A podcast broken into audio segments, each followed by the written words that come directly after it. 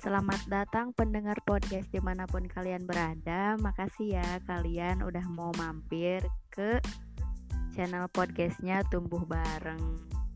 Nah, pada episode kali ini kita kedatangan narasumber yaitu Kak Haris. Halo Kak Haris. Halo Kak Cica.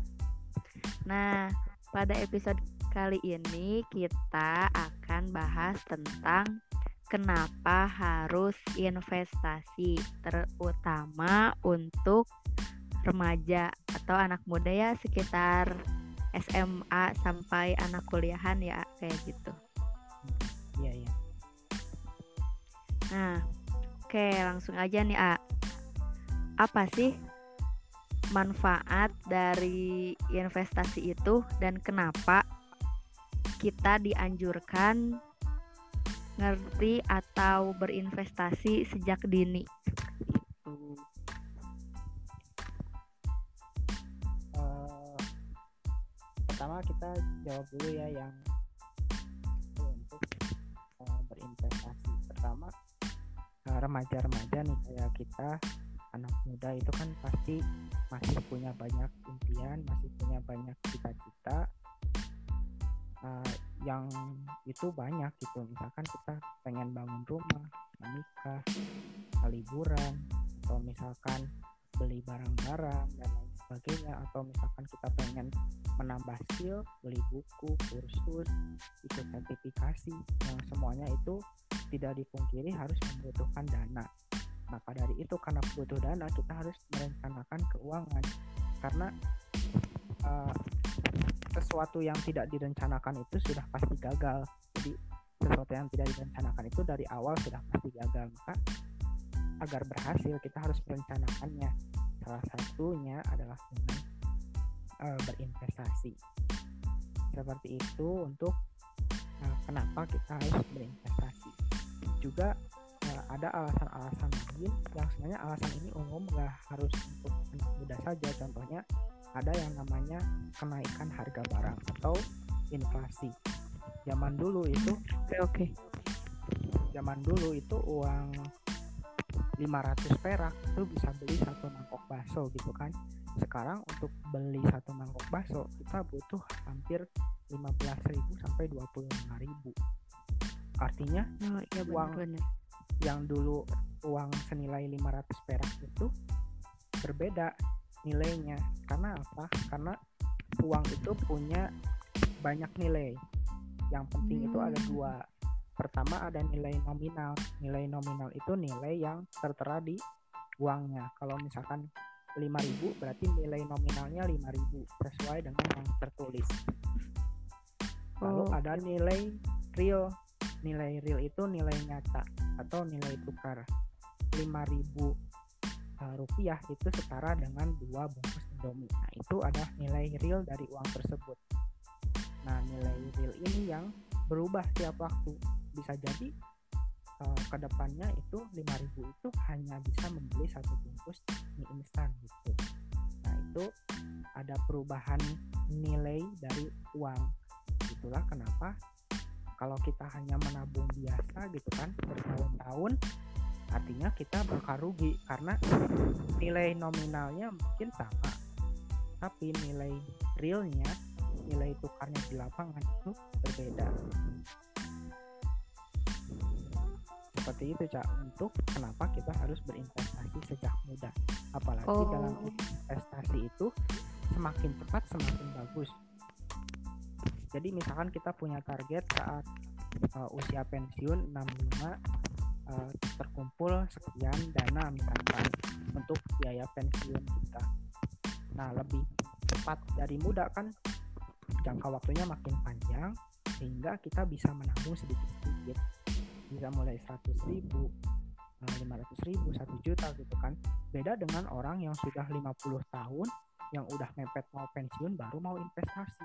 Dia harus menyisihkan uangnya lebih banyak agar biaya pensiunnya terpenuhi terutama nih yang cocok buat anak muda yang memang tidak mengejar yang namanya karir-karir yang terjamin seperti PNS dan ASN swasta itu wajib sekali investasi karena mereka tidak ada yang cover dana pensiunnya.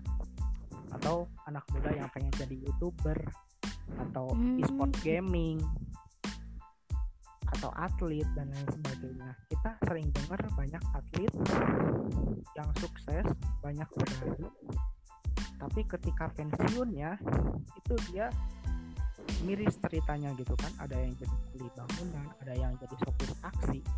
Padahal Hmm, mereka iya, iya. pernah pernah mendapatkan banyak uang dari prestasi-prestasinya gitu. Kenapa? Karena mereka tidak bisa merencanakan keuangan.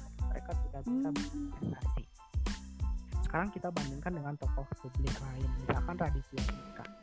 Raditya Oh, Dika oke itu kemarin-kemarin menyatakan bahwa dia mau pensiun dini. Padahal dia baru nggak lama gitu ada di uh, dunia hiburan Indonesia. Dia stand up komedi bikin buku terus bikin film dan dia sudah memutuskan pensiun dini di usia yang sangat muda karena dia memahami yang namanya investasi Hmm, gitu ya. gitu. Keren ya. keren banget jadi emang eh, apa eh, orang-orang itu biasanya tertarik dengan investasi adalah yang disebut dengan kebebasan finansial financial freedom financial freedom itu kayak gini kita itu kan sekarang hidup itu diatur misalnya eh, kalau kita mau makan bulan depan itu kita harus kerja. Kerja kita dijatah eh, cutinya liburnya sekian. Terus harus masuk dari jam sekian sampai jam sekian. Artinya kita tidak bebas menentukan pilihan hidup kita sendiri. Sedangkan konsep financial freedom itu kita itu bisa bekerja bisa melakukan apa pun sesuka kita tapi kehidupan kita di masa yang akan datang itu sudah terjamin dan salah satunya adalah lewat investasi. Contohnya kita eh, membeli properti atau saham yang mendatangkan imbal hasil per tahun yang cukup untuk biaya hidup kita setahun. Artinya di tahun tersebut kita tidak perlu lagi bekerja. Kita mau rebahan di rumah baca buku nonton TV atau jalan-jalan olahraga dan lain sebagainya itu tidak ngaruh pada kehidupan kita kita mau bolos 40 hari 30 hari dari kerja nggak masalah. Kita mau resign nggak masalah. Itu hanya bisa didapat dari investasi. Gitu kak Wah, keren banget ya itu kalau kita emang udah ngerti dan mau berinvestasi. Wah, apalagi anak muda zaman sekarang nih ya, yang rata-rata tuh mereka tuh gak mau atau mayoritas ini ya kurang mau eh gak mau terikat sama aturan-aturan. Jadi cocok banget ya kalau emang dari sekarang nih kita udah mulai investasi terutama emang buat orang-orang yang kurang suka diatur-atur kerja di sebuah perusahaan atau kerja jadi pegawai negeri. Cocok banget ya kalau belajar investasi atau berinvestasi dari sekarang biar nanti ke depannya ya gak perlu kerja di sebuah sistem yang harus ada aturan apalagi aturan yang baku gitu ya. Mm-mm, betul banget. Eh, selain itu kita juga bisa eh, mencegah diri dari yang namanya penipuan-penipuan. Kayak kemarin ada kasus yang eh, sekian miliar eh, dana nasabah di MyBank hilang oh Dia iya iya yang itu. esport kan? Nah oh itu iya iya. kasusnya kan dia tertipu karena dia tidak mengerti. Dia diiming-imingi investasi diiming-imingi nabung yang imbal hasilnya tinggi ya dia karena tertarik ya masuk aja. Tapi ternyata kan isinya uh, curang gitu kecurangan fraud. Oh iya iya. Jadi hilang aja uangnya gitu kan. Oh, oke oke.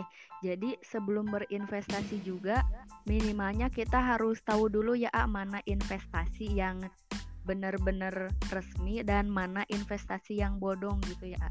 Mm-mm, betul banget biar ya kita aman lah kita kan uh, mencari uang sudah susah masa kita mau merelakan hilang begitu saja gitu. Ya benar benar benar.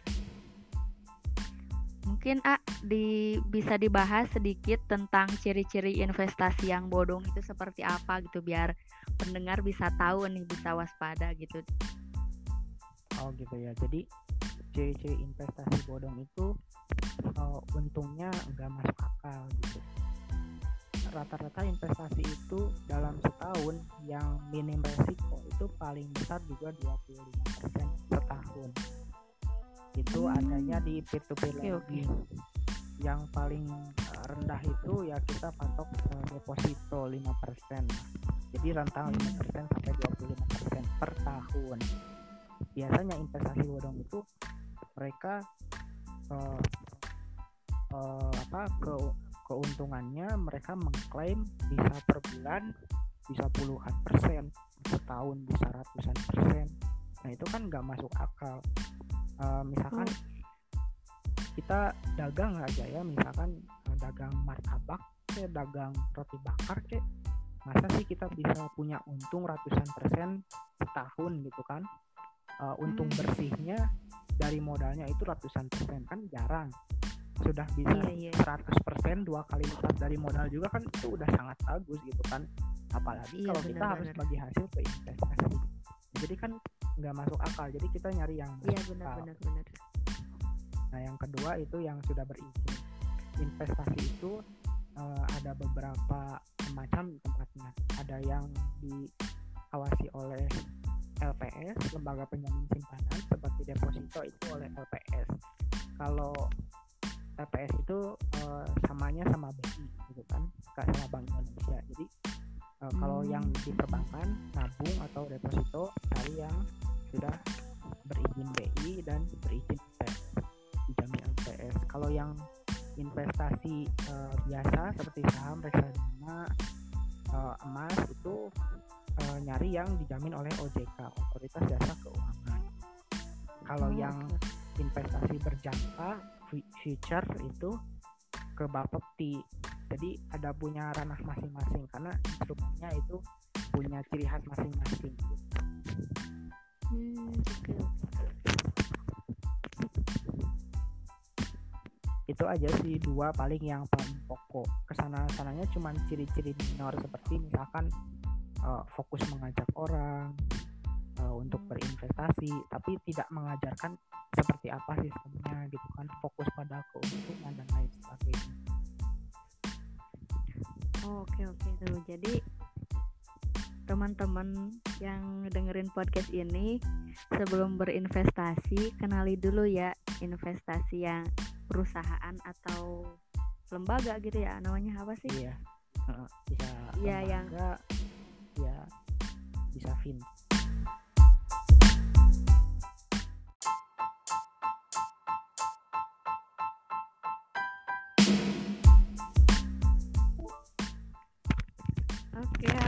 Haris, alhamdulillah ya udah nyambung lagi setelah tadi ada beberapa drama-drama kecil. Oke, kita langsung aja ya.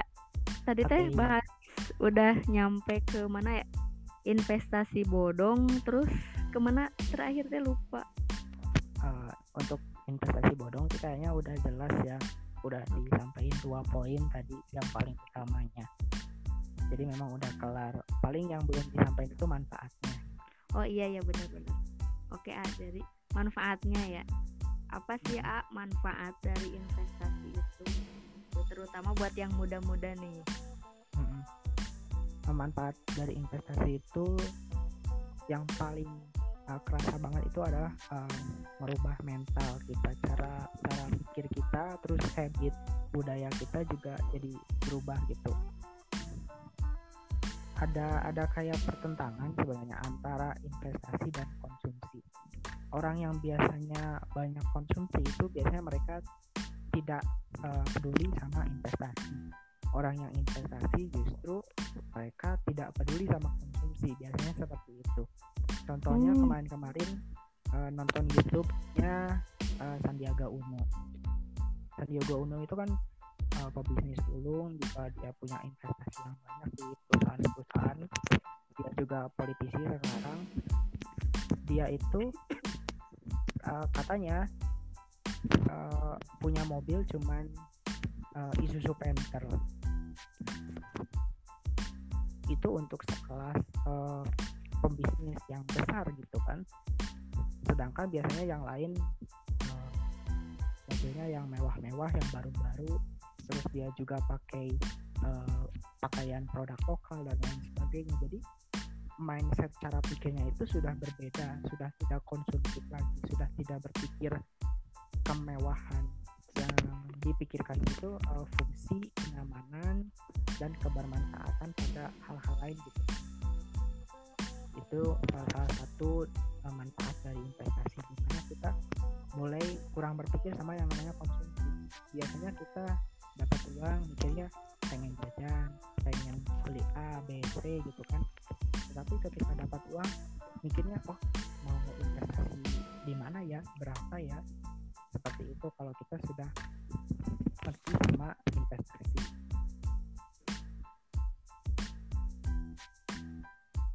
oh iya bener ya. Bener-bener jadi kayak kayak kebalik ya.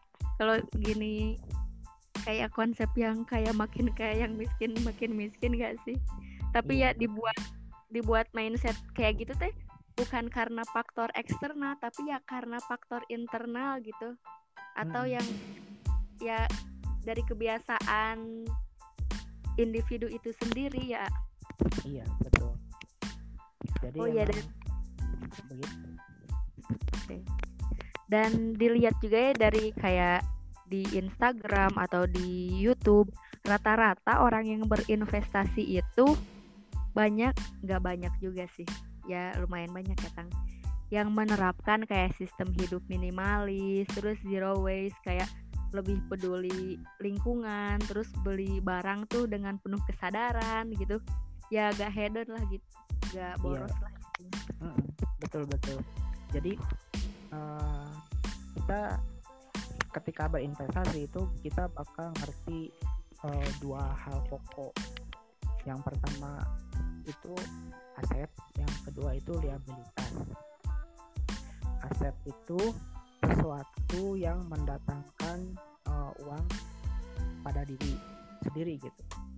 Jadi bukannya menguras dompet ya menambah isi dompet kalau liabilitas itu uh, sinonimnya itu uh, beban. Jadi sesuatu yang mengurangi uh, uang kita yang ada di dompet. Contohnya aset itu kayak gini kita beli tanah terus tanah itu kita olah kita tanam uh, jagung tanam tanaman lain gitu kan terus kita jual nah terus ada keuntungannya nah itu tanah itu adalah aset gitu. Uh, tapi beda halnya kalau misalkan kita beli motor terus motor itu harus kita servis harus kita isi bensin harus kita pasang aksesoris artinya kita beli semua itu kan. Nah itu berarti motor itu liabilitas. Investasi itu memperbanyak aset. Konsumsi itu memperbanyak liabilitas.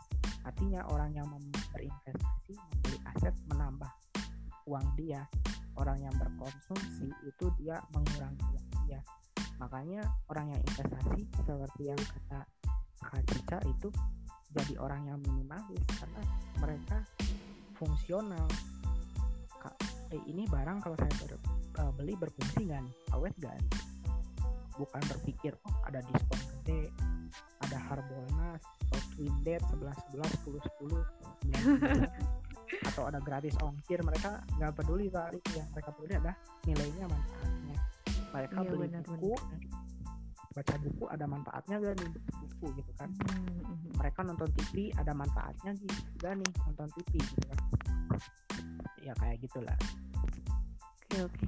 Jadi ini kalau ke barang mah lebih ke sadar gitu belinya tuh bukan karena ke distrek karena ada diskon gede-gedean atau gratis ongkir tapi ya kalau yang paham investasi yang menerapin hidup minimalis tuh beli sesuatu bukan karena ada diskon lah atau gratis ongkir tapi emang karena dia butuh barang tersebut gitu ya. Jadi sebenarnya kalau untuk memenuhi kebutuhan hidup ya simple gitu gak perlu gak perlu apa ya gak perlu punya banyak uang deh kayaknya iya. tapi kalau untuk memenuhi keinginan ya, ya mau berapapun banyak nya uang ya tetap aja kurang ya.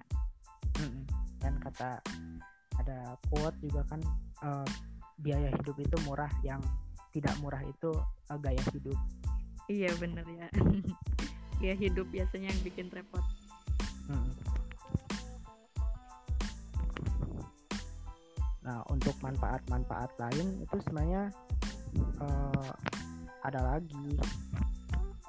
Misalnya uh, manfaatnya bagi negara. Nah, negara ini sebenarnya membutuhkan banget uh, investasi. Kenapa? Karena uh, negara kan pemerintah pengennya banyak proyek, uh, terus membuka lapangan pekerjaan yang semuanya butuh modal kan bangun tol masa pakai daun gitu kan. Harus ada modalnya dulu gitu kan iya iya benar. untuk bangun pabrik harus ada modalnya dulu untuk dapat keuntungan dari penjualan produk pabriknya artinya investasi itu penting bagi sebuah negara. Uh, itu tercermin dalam uh, kemajuan indeks kemajuan dari sebuah negara yang disebut dengan GDP gitu kan gross domestic product di dalam gross domestic product itu salah satu yang dihitung adalah investasi. Jadi semakin besar investasi sebuah negara, mau itu dari warga negara sendiri atau dari warga asing, maka semakin besar juga ekonominya. Maka uh, hmm. kita nggak heran kalau misalkan pemerintah kita itu mencari investor yang banyak, apalagi dari luar negeri. Kenapa?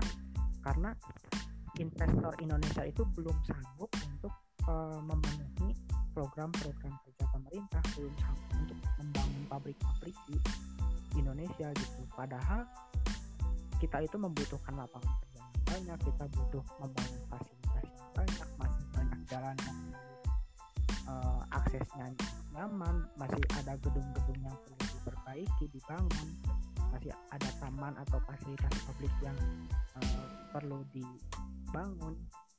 Seperti itu. Jadi investasi itu sangat uh, berpengaruh pada tingkat ekonomi sebuah negara. Alangkah lebih baik kalau yang berinvestasi itu warga negara sendiri. Kenapa? Karena uh, bayangin uh, orang luar Indonesia investasi misalkan satu triliun ke Indonesia. Lalu karena investasi itu kan menguntungkan. Berarti di Indonesia itu mereka mendapatkan misalkan kita sebut uh, eh, 100 miliar.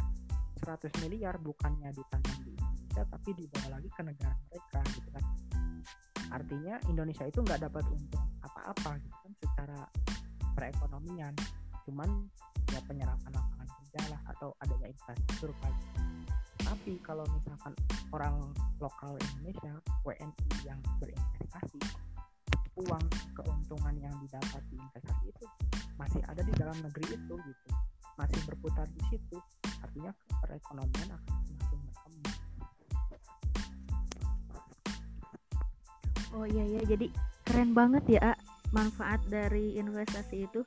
Selain punya manfaat untuk individu yang berinvestasi manfaat untuk negara juga ada ya malah keren ya manfaatnya. Hmm. jadi ya iya. Kalau mungkin untuk pemerintahan ya kalau untuk mengkritik kebijakan yang kayak gitu-gitu ya sah-sah aja ya iya apalagi ya buat mahasiswa ya. Hmm.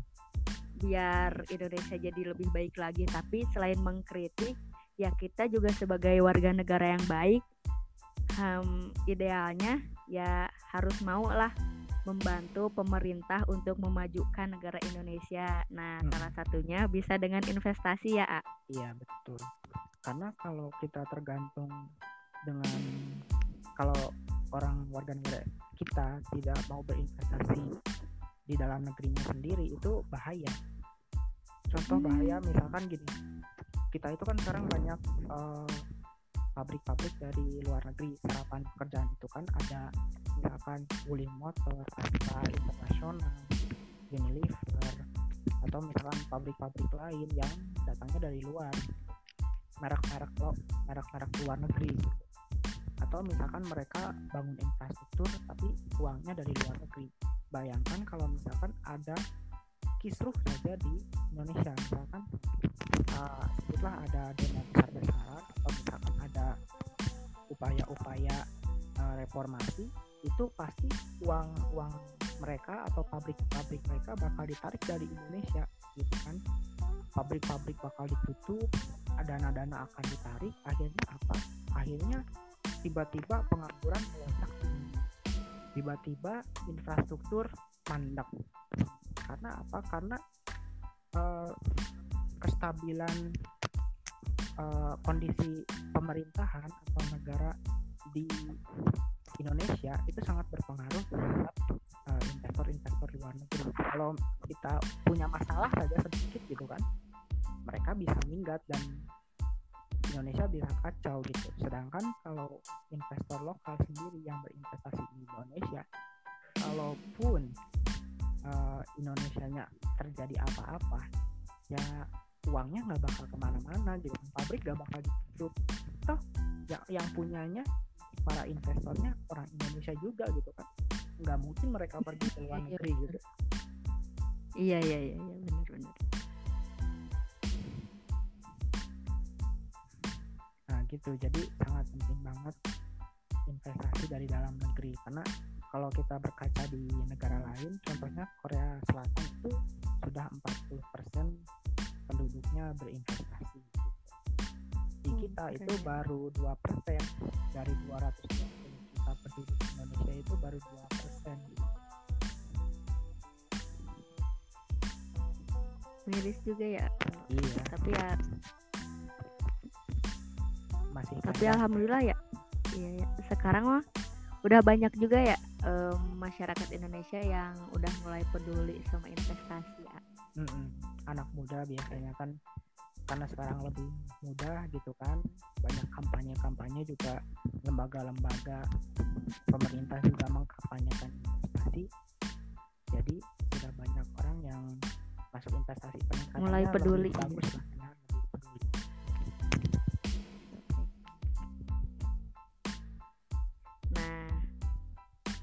Oke, karena semua materi sudah tersampaikan ya pada episode kali ini. Mm-hmm. Untuk closing statementnya nih, A. Dari A. Closing statement.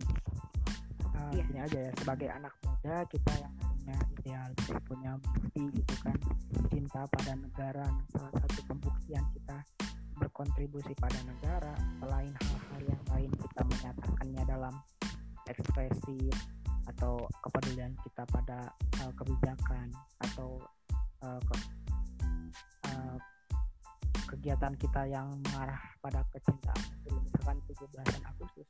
Kita juga berkontribusi pada perekonomian salah satunya melalui investasi. Selain membantu negara kita juga merencanakan pendanaan kita pribadi untuk masa depan yang akan datang gitu. Oke oke. Terima kasih ya, A, udah mau jadi narasumber di episode hari ini dan makasih juga buat teman-teman yang udah mau dengerin sampai sejauh ini. Mudah-mudahan kita semua bisa mendapatkan manfaat dari episode kali ini yaitu tentang kenapa kita harus berinvestasi. Oke. Untuk episode hari ini dicukupkan sekian. Terima kasih Ahari, terima kasih rekan-rekan. See you guys. Iya, terima kasih juga. Oke. Okay.